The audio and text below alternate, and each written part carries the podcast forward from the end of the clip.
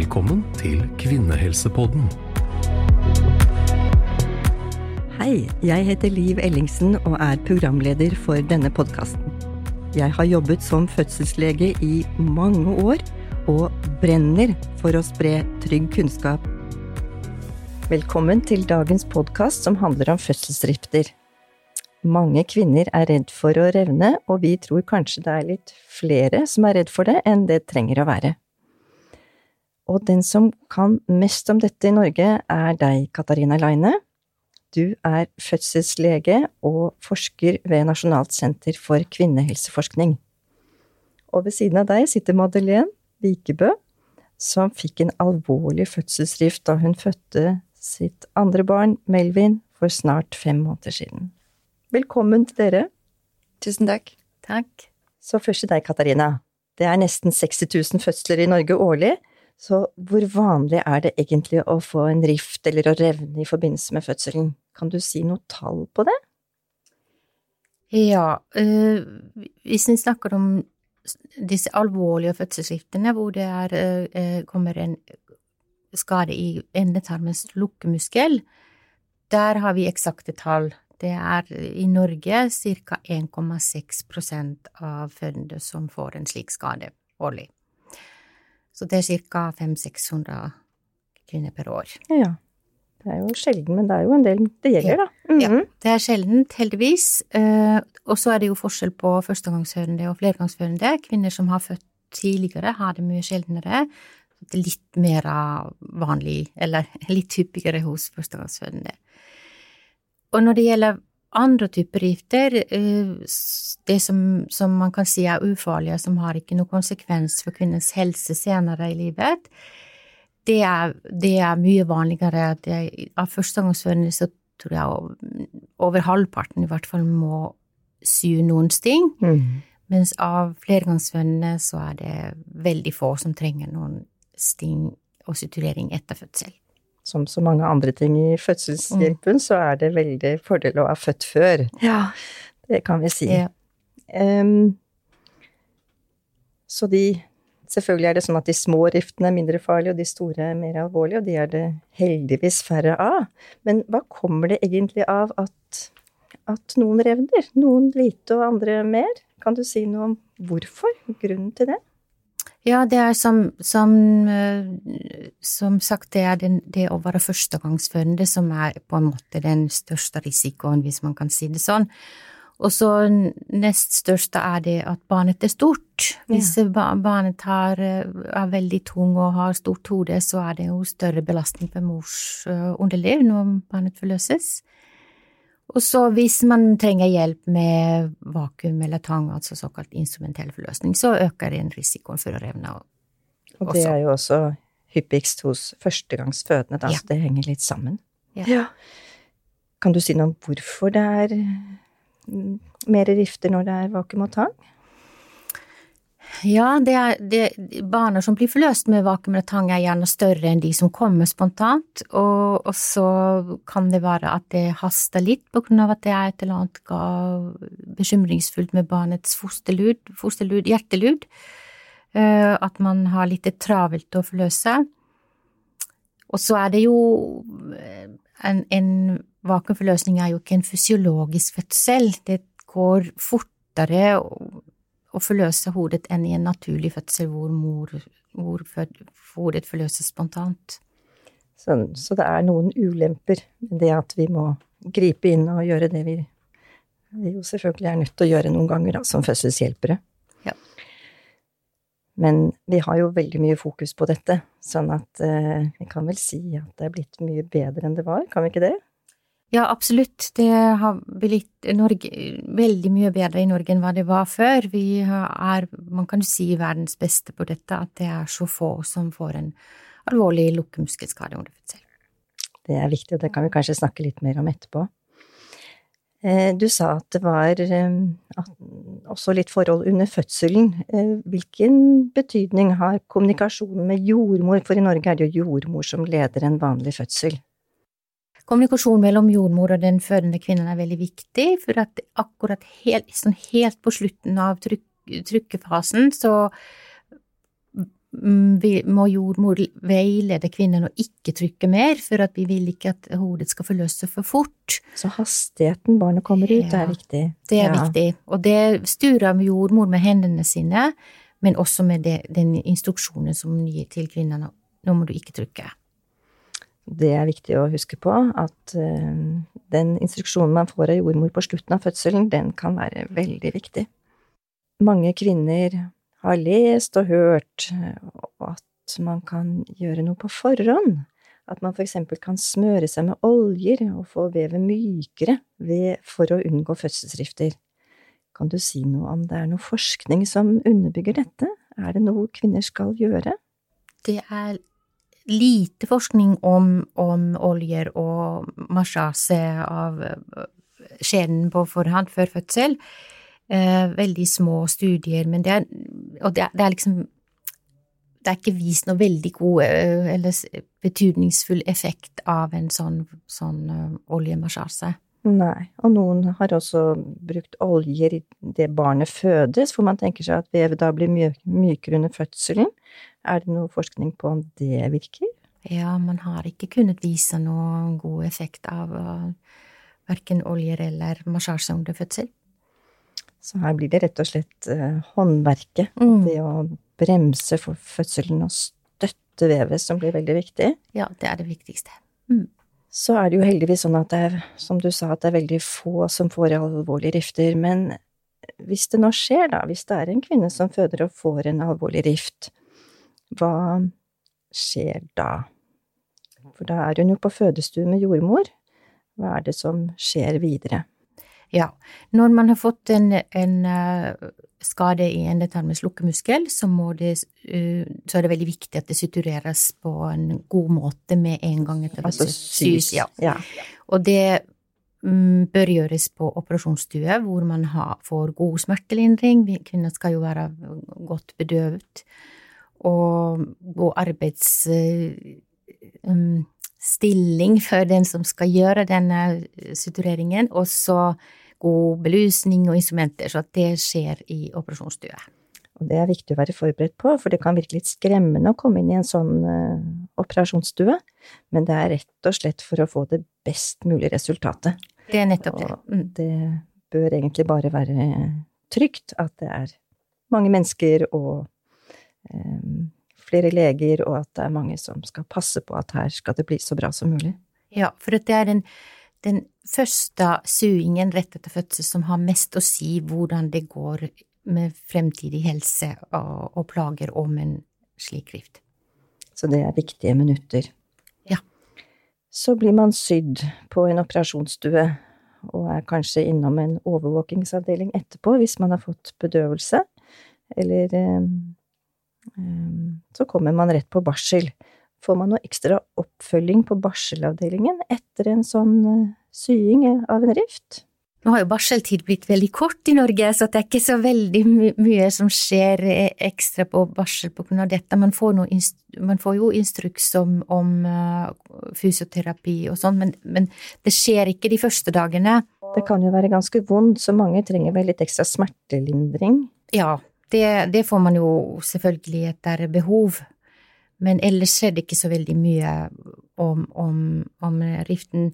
Men de fleste sykehus i Norge tilbyr en kontroll etter noen måneder eller et halvt år eller ett år hos en gynekolog, sånn at man eh, sjekker med ultralyd hvordan muskelen ser ut, og også hvordan, hvor, hva slags symptomer eh, kvinnen eventuelt har. For mange kan jo ha litt smerter og få smertestillende med en gang. Er det andre plager de kan få i tiden etter fødselen, som de skal følge med på? Det er jo smerte og ubehag som er det vanligste øh, konsekvens av en lukkemuskelskade, og så er det heldigvis veldig få, men det er noen som, som får inkontinens, altså at man ikke klarer å holde enten avføring eller luft. Rett og slett lekkasje. Ja. ja. Og nå snakker vi altså bare om de som har skada endetarmsmuskelen, da. Ja. For det er jo veldig få av de som får rifter, men det er den lille gruppen. så er det mange som lurer på hva med neste fødsel, kan jeg føde etter en sånn alvorlig skade, kan det være lurt, eller er det lurt å gjøre keisersnitt? Det er helt trygt å føde vaginalt eh, etter en slik eh, lukkemuskelskade for de fleste. Kvinner som har en sekvele eller en, en inkontinens etter en lukkemuskelskade, anbefaler vi keisersnitt, for vi vil ikke at det skal bli verre. Det finnes gode oppfølgingsstudier som viser at hvis man ikke har noen, noen symptomer av inkontinens etter en slik fødsel, så er det ikke nødvendig med keisersnitt. Det går helt fint med vaginalfødsel. Det er godt å vite, og så er det vel også sånn at eh, de som har hatt en sånn skade, de får en eh, tilbud om en samtale hos gynekolog før fødsel, og de får lov å være med på å bestemme også, sånn at hvis man har hatt en veldig alvorlig endetarmskade, så får man lov å være med på å bestemme hvordan barnet skal komme neste gang. Absolutt. Ja, vi, vi det, det, er jo Hvis man har hatt en traumatisk eh, fødsel, eller dramatisk fødsel, og attpåtil en, en lukkemuskelskade, så kan det absolutt bli keisersnitt hvis man ønsker det. Hvis man ønsker det. Mm. Ja.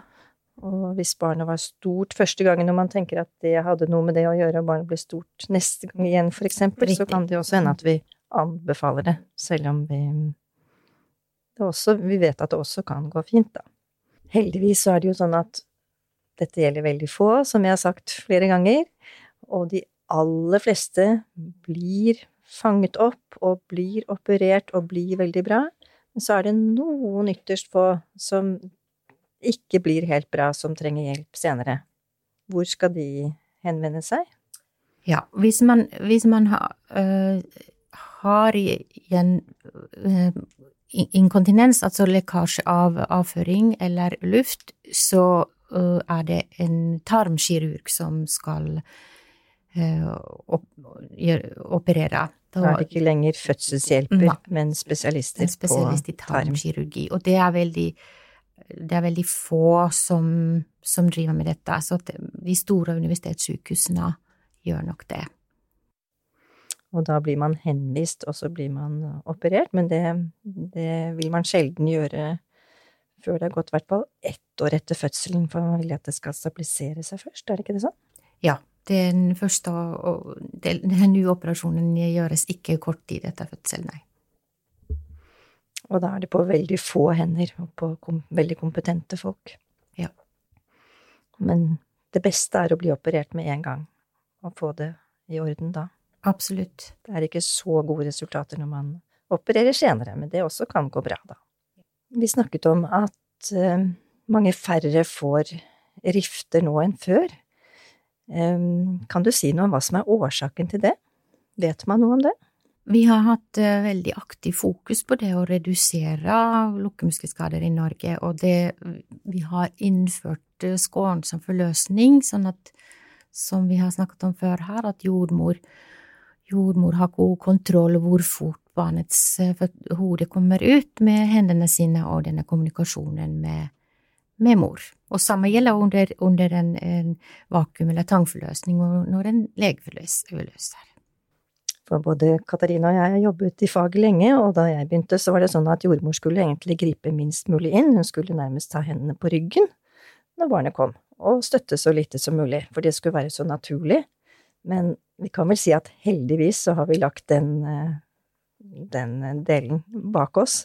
Ja, her har jordmor eller fødselshjelper en viktig rolle, og at kvinnen ikke får en skade. Og du har jo vært med på det, for du kom fra Finland, hvor det var veldig få fødselsskader. Og så kom du til Norge, hvor du så at det var veldig mye fødselsskader. Så dette har du jobbet veldig aktivt med i Norge. Ja, og heldigvis så har vi fått veldig gode resultater. Når vi starta, starta med fokus på dette her, så tror jeg vi hadde 4,5% lukkemuskelskader i Norge, og nå er vi ned på 1,6% og det er, man kan trygt si, verdens beste resultat. Så det kan vi være stolte av. Dette følger vi også veldig nøye med forskning. Så her følger alle sykehus sine resultater. Det er veldig åpent og veldig synlig, og vi har veldig fokus på det. Så takk for den viktige jobben du har gjort der.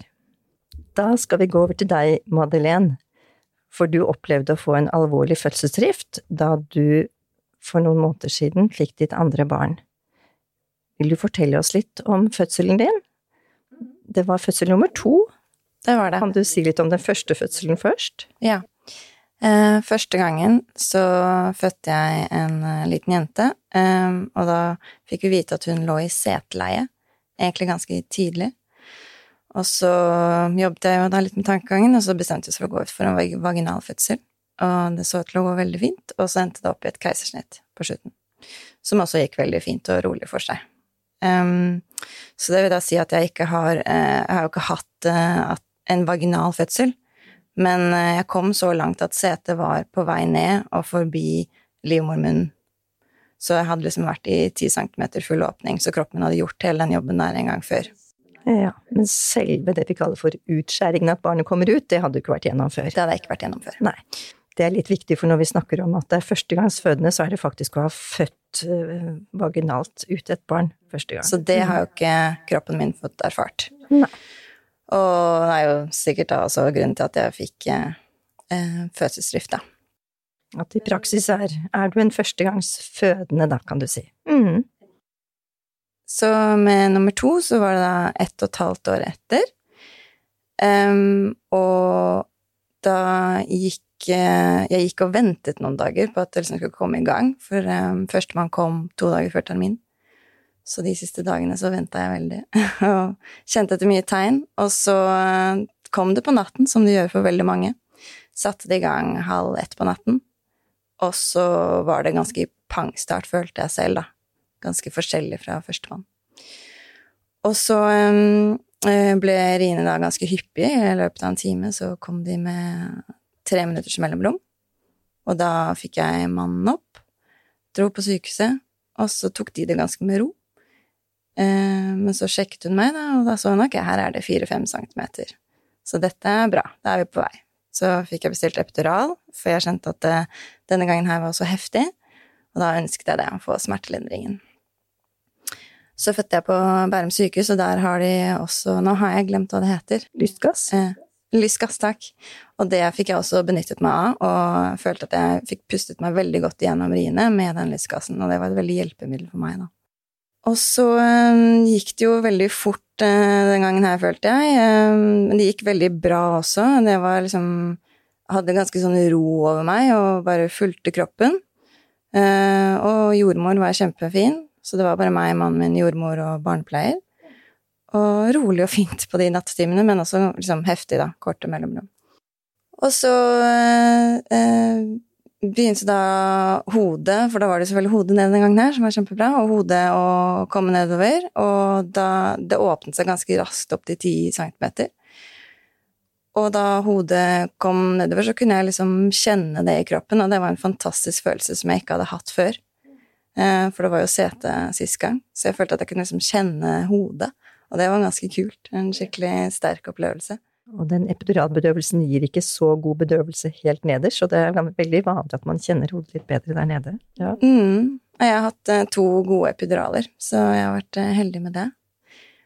Um, ja, så begynner jo da jordmor å kommunisere med at nå, liksom, nå nærmer vi oss, og så snakker hun med meg liksom, hvordan vi skal gjøre det nå fremover. Og så eh, eh, Det er liksom viktig at jeg lytter til henne, da. Så da, da gjør vi det, og så presser jeg sånn som hun instruerer meg til å presse, men jeg følger også kroppen min, for jeg hadde gått eh, et kurs da også før den gangen her, eh, positiv fødselkurs, som også hjalp meg veldig mye. Og så eh, eh, kommer hodet nok relativt fort. Eh, jeg opplevde aldri ring of fire, som man snakker om, at hodet står og spenner.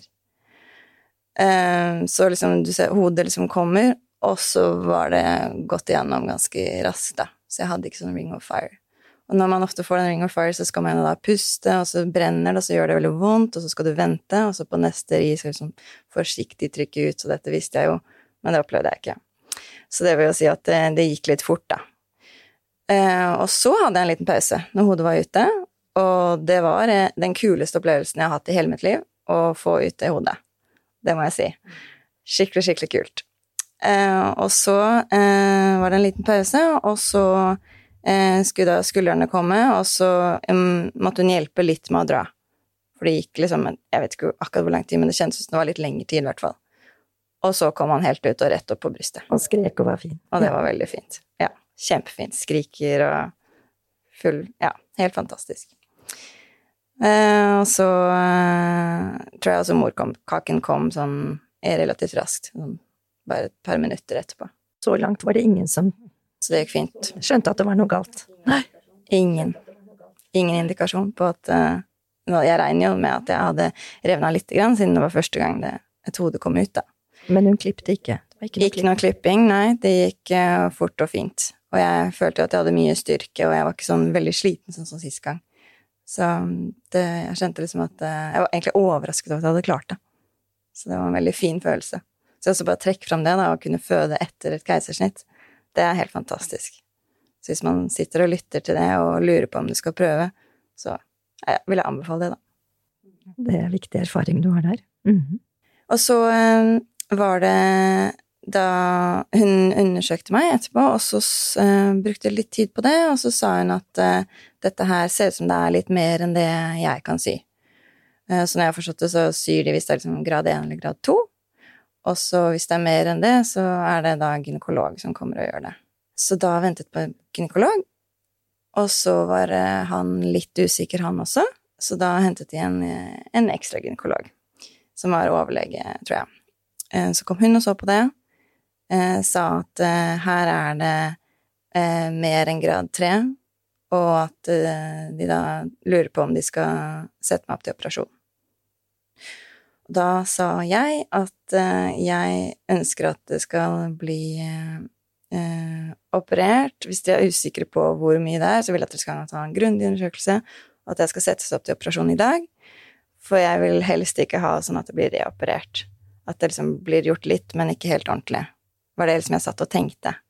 Og grunnen til at jeg tenkte det, er jo fordi jeg har hatt en historie fra min mor som har eh, hatt en alvorlig fødselsdrift, og hvor eh, det ble operert, men ikke helt ordentlig, og hun måtte inopereres to ganger til ettertid. Så da har jeg hatt det liksom i bakhodet litt, og jeg har alltid tenkt at ja, det kan være jeg også får en sånn rift.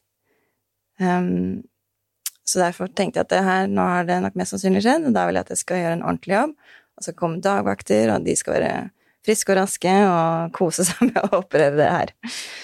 Eh, Så det gjorde de, da. Så da satte de meg opp, og da var det bare et par timer. Og så, ja, så ble jeg operert ordentlig og fantastisk team og flotte folk som gjorde det. Syns du det var skremmende at du måtte inn på en operasjonsstue? Jeg hadde nok eh, mer ro enn det jeg vel trodde at jeg skulle ha på forhånd. Um, men ja, jeg syns det var skummelt. Det syns jeg. Følte du deg i gode hender? Ja, Veldig. Nå var jeg litt heldig at jeg fødte på sykehuset som er eh, veldig i nærheten, og moren min eh, har jobbet på sykehuset, og bestevenninnen hennes jobber der. Så hun var på den vakten på den dagen, så hun kom og møtte meg. Så det var også en sånn litt betryggende faktor. Så jeg fikk litt sånn ekstra trygghet der. Så det kan være jeg har vært mer urolig hvis hun ikke liksom ga meg et ekstra smil da, og en klem. Så ble du operert, og så fikk du informasjon om at hvilken grad var det du hadde, hvilken rift var det du hadde? Vi har jo grad fra én til fire. Mm. Ja, rift fire, grad fire. Rift fire, og da er hele lukkemuskelen gått i stykker. Hele lukkemuskelen, og så er jeg også en rift inni vaginaen ned mot eh, rektum, eller et hull, liksom. Ja. Som de også fant. Og det sa de at det var veldig bra at de fant at det liksom ikke alltid At alt blir oppdaget med en gang. At de liksom fant det hullet også. Det var veldig bra, sa de. Så at de også fikk tatt den. Og det er veldig viktig at når ting blir funnet og blir undersøkt og blir sydd med en gang, så går det ofte fint. Hvordan var det egentlig på barsel du var, eh, hadde vært operert og hadde, hadde du mye vondt? Ja, jeg hadde altså eh, Det var jo lokalt vondt der nede, vil jeg si, og jeg fikk eh, Jeg kjøpte en sånn pute som jeg kunne sitte på, og så avlastet jeg meg liksom ligge litt på siden, men jeg husker at det også gjorde vondt å liksom eh, ligge for mye på siden, eller sitte i 90 grader kunne jeg egentlig nesten ikke gjøre. Eh, så det var liksom best å ligge litt, eller å være i bevegelse. Opp og gå. Hvor lenge syns du at du hadde vondt etter? Det var eh, De første dagene var verst, og så gikk det ganske fort over. Men jeg hadde litt vondt i en lengre periode. Men nå har jeg hatt et keisersnitt, og jeg vil jo si at det er ganske mye vondere. Jeg hadde mye mer smerter med det enn det jeg hadde med denne riften. Ja, og det er ikke nødvendigvis sånn at man får så mye mer smerter med alvorlige rifter. Det har liksom Man kan også få en del vondt selv om ikke riftene er så alvorlige. Så det viktige der er at man får god smertelindring, i hvert fall, av det vi kan hjelpe til med. Jeg trodde det skulle gjøre vondere, var det jeg i hvert fall Det husker jeg tenkte, da. At jeg trodde at jeg skulle ha mer vondt da, etter den riften. Fikk du noen andre medisiner eller tips og råd om hvordan du skulle håndtere Mm. det som var skjedd? fikk jo masse informasjon, og fikk samtale med han gynekologen som hadde vært med å operere meg, både den dagen og dagen etterpå. Og da eh, var det liksom hva jeg skulle putte inn i kroppen for å holde avføringen myk. Eh, For å ikke liksom få for stor propp som skulle komme ut, sånn at det liksom skulle ja, gjøre vondt da, eller begynne å blø litt igjen. Så da var det å spise linfrø, og så eh, bringebær, eller bringebærbiola, og eh, laktulose, som jeg tror alle blir satt på. Eh, og så eh, ville jeg ha noe ekstra i tillegg, sånn Jeg vet ikke om det er liksom Klix eller hva det Men jeg fikk sånn som man spruter opp, og som mykgjorde. Og det gjorde faktisk Altså, jeg trodde det skulle gjøre kjempevondt den første avføringen, og det gikk eh, veldig bra. For det mange som er redd for, det er å trykke ut noe i det området hvor det er operert. Man er redd for Mm. Og det tror jeg er generelt. Første gang etter fødsel så tror jeg alle liksom har liksom den, den avføringen man skal ha da. Men for meg så gikk det veldig bra, og jeg var kjempepositivt overrasket. Jeg fikk nesten ikke vondt. Så det var veldig, veldig, veldig deilig. Så nå er det gått nesten fem måneder. Kan du si noe om hvordan det har gått etterpå? I tiden etterpå så var det sånn kanskje en eller to ganger i uken så eh, begynte jeg å blø lite grann når jeg bæsja. Eh, og da var det at jeg liksom påminnet meg selv om å holde avføringen fortsatt myk. Eh, for, for jeg også fikk laktulose og skulle gå på det en liten periode. Så da spiste jeg svisker.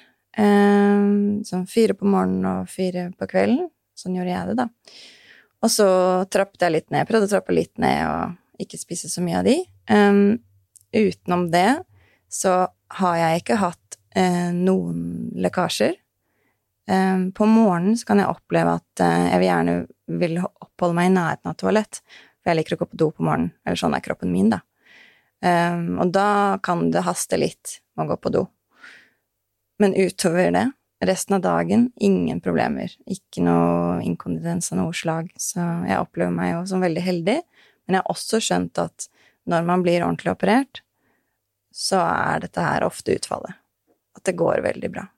Det er veldig viktig å ta med seg hjem at eh, når vi nå Én ting er at det er eh, færre rifter, men når vi nå oppdager de og opererer de, så går det veldig fint em, med de som blir operert.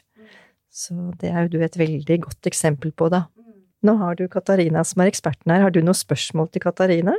Ja, det var jo den ene tingen jeg liksom tenkte litt på det med at uh, moren min eh, også har hatt en sånn type rift da, med første barnet, som også var stort, da, sånn som mitt også var.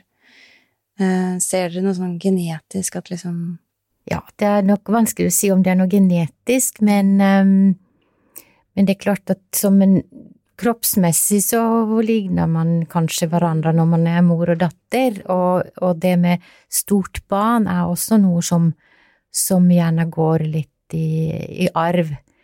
Men eh, å si at det er re- sånn rent genetisk, det tror jeg ikke vi kan si. Vi glemte egentlig å si hvor stort stor han var. Størrelsen på gutten, han var 4,270. Eh, men så har jeg også tenkt litt på at eh, det fins jo eh, kvinner som tenker 'å nei, nå begynner babyen å bli stor', eller at de hører på målingene 'nei, nå, nå får jeg et stort barn', og liksom da begynner å grue seg litt. Og jeg har også tenkt på at det er jo veldig mange som føder store barn og ikke får denne riften. Jeg har jo selv en venninne som har født et eh, over en kilo større barn, og som ikke fikk en sånn her gift. Det er veldig viktig, for mange lurer på dette å gjøre keisersnitt eh, framfor å føde. Og Katarina, det er ikke sånn at vi kan plukke ut de som revner ved å gjøre keisersnitt av de som for eksempel vi ser for store barn. Nei, vi kan ikke forutsi hvem får riften, nei, dessverre. Mm. Så gikk det jo litt fort, sånn som jeg tenker. Det var vel eh, rundt tre timer fra liksom ordentlig riestart til babyen var ute. Og ja, hodet var vel sånn normalt stort, jeg, og babyen var stor. Um, og så har jeg hatt et keisersnitt før, så kroppen min har liksom ut, gjort den utvidelsen, men ikke akkurat utpresningen helt ytterst. Så tenker jeg at kanskje kroppen får til å føde det barnet, og så er det da huden som på en måte får lide litt, da. Men jeg har også tenkt at jeg var litt sånn anatomisk lik mamma, og at det da kan ha noe å si. Ja, den, jeg tenker det er noe med det første du sa nå, at du har vært gjennom en eh, åpningsfase helt til, eh, slutten, og så skjer den åpningsfasen nå andre gangen veldig fort, mens, som du sier, underlivet er ikke utvidet. Dette, dette ser vi også i forskningen, at har man tidligere keisersnitt, så har man faktisk økt risiko for en sånn storrift. Og så lurer kanskje noen på om det er selve vevet, for vi er jo litt forskjellige hvor, hvor sterkt uh, vevet er. Det ser vi på andre typer sår. Uh, er det noe med hvordan, hvor lett vevet revner? Uh, kan du si noe om det? Det har man forsøkt å også finne ut, sånn at man sammenligner kvinner med spesielt type vevsykdommer, men man har ikke kunnet finne noe der. Det er vanskelig å forske på det, men, men det kan godt hende at det er noe der også som vi ikke klarer å måle. Det er veldig fint. Det, men det er jo også viktig at som får det, blir tatt alvorlig. Ja, det er det. Og vi har jo sett noen ganger, Katarina, at kvinner ikke At det fremdeles er litt tabu rundt dette. Det er underlivet, det er um, ikke så lett å snakke om det, og mange aksepterer kanskje mer plager enn det de burde gjort. Ja, det er veldig tabu med spesielt avføringsinkontinens, uh, og, og, og det er også en sånn feil oppfatning at etter, etter, en fødsel så er det normalt å ha lekkasje, og, og det er det absolutt ikke. Så hvis man har lekkasje, eh, enten urin eller avføring eller luft, så må man søke legehjelp. Det er klart at de første dagene etter fødsel så kan man være ganske lammet nedentil, rett og slett, fordi at de nervene også har vært i strekk. Det er ikke noe som skal vare i dagevis eller ukevis. Hvis man er hjemme hjemme med, på barsel med barn og, og opplever at, at, man ikke har kontroll over avføring, luft og urin, så må man søke legehjelp, altså. Ta kontakt, det er et veldig viktig budskap. Jeg kjenner meg jo veldig heldig som det har gått så bra med meg da, i ettertid. Um, så jeg tenker at um, selv om man ikke har, har gått så bra med andre, kanskje man slipper, sliter med inkontinens, så er det da å gå og få hjelp og gå og si ifra. Det tror jeg er veldig lurt, for man skal ikke eh, gå rundt og lekke, eller å slite med å tenke 'å, nå må jeg rekke toalettet'. Um, gå og snakk med gynekologen din, og gå og få hjelp fra fysioterapeut. Det tror jeg er kjempelurt. Har du noen flere spørsmål til Katarina? Jeg tenkte også at det var en ting eh, vi kunne liksom nevne litt, da, som jeg tenkte på, eh, var jo det å, å, ha sex etter å ha hatt en sånn her eh, rift og operasjon, da. Jeg syntes jo det var skummelt å skulle prøve det. Og eh, ventet da til jeg hadde hatt den timen med han gynekologen som opererte meg, da var uke åtte etter eh, fødsel. Og så sa han alt ser kjempefint ut, det er det bare å gjøre, og, og da gjorde vi det, og så gikk det jo fint, da. Um, men um, uh, er det lurt å ikke vente for lenge med å ha sex? Er det liksom noen retningslinjer der? Ja, man kan få ha sex når man har lyst. Det er ingen, ingen tidsbegrensninger der. Men vi ser i forskningen, når vi spør kvinner som har hatt en, en alvorlig rift, altså lukkemuskelskade, og kvinner som ikke har hatt det, så er det helt tydelig at kvinner som har hatt en lukkemuskelskade under fødsel, venter mye lenger før de har sex for første gang. Og det er gjerne fordi at man er litt redd, og, og man er sikkert mer sår og, og har mer vondt nedentil også. Men det er altså ikke noen grunn til å avvente, men veldig mange avventer at de har vært i en seksukerskontroll. Og dette gjelder vel også de som ikke har hatt så store rifter, så det er vel et mm. generelt råd vi kan gi til de som har født. Mm. Sånn til slutt, har du noe råd eller noe mer på hjertet som du ønsker å dele med lytterne, Madeleine? Ja, så når jeg, um, etter at jeg hadde hatt denne riften, så fikk jeg jo mye informasjon, og jeg fikk jo blant annet et ark over uh, gode fysioterapeuter. Um, så det har jeg gått til etter, siden seks uker etter. Og vi har jo trent da selvfølgelig lukkemuskelen og skjedemuskulaturen. Eh, men jeg får også hjelp med liksom bekken og plager som jeg også har hatt, da. Og jeg må si at jeg har jo lært å eh, trene på en måte som jeg ikke har gjort før. Og jeg tror ikke at jeg helt har visst hvordan man skal knipe. Altså, jeg har mange venninner som nå har født, og jeg tror egentlig alle er i samme gruppe. At eh, man ikke helt vet hvor man gjør det. Så jeg vil anbefale alle å gå til en fysioterapeut som, er, uh, ja, som kan det her, og lær dere ordentlig hvordan man skal trene bekkenbunnen, for da tror jeg man får det veldig mye bedre. Og det skal man egentlig få en liste over de fysioterapeutene som har spesialkompetanse på dette, når man reiser fra barselavdelingen. Men det er dessverre ikke alle områder som har like fysioterapeuter med like god kompetanse. Men det må man eh, etterspørre, det er viktig. Hva med deg, Katarina? Vil du si noe til slutt, før vi avrunder dagens episode? Eh, kanskje det første at man bør ikke være veldig redd eller bekymret for å føde i Norge. Det er veldig trygt, og vi har lite skader. Men hvis man først har hatt en skade, og hvis man har problemer etterpå i form av lekkasje av noen slag, så søk legehjelp. Og spesielt hvis du er hos en, hos en lege eller hos en allmennlege eller gynekolog, fortell at du har lekkasje. Selv om det føles vondt og flaut å snakke om avføringslekkasje når man er voksen, når du er hos legen, vær så snill å fortelle det. Det var kloke ord til slutt, og takk til deg, Katarine, for at du har gjort oss både klokere og kanskje også tryggere på det å revne under fødsel. Og tusen takk til deg, Madeleine, for at du delte så mye av din erfaring. Det er, eh, tror jeg kan være viktig for mange som kommer etter. Og takk til dere som hørte på, og følg oss gjerne på Instagram på det som heter Kvinnehelsepodden.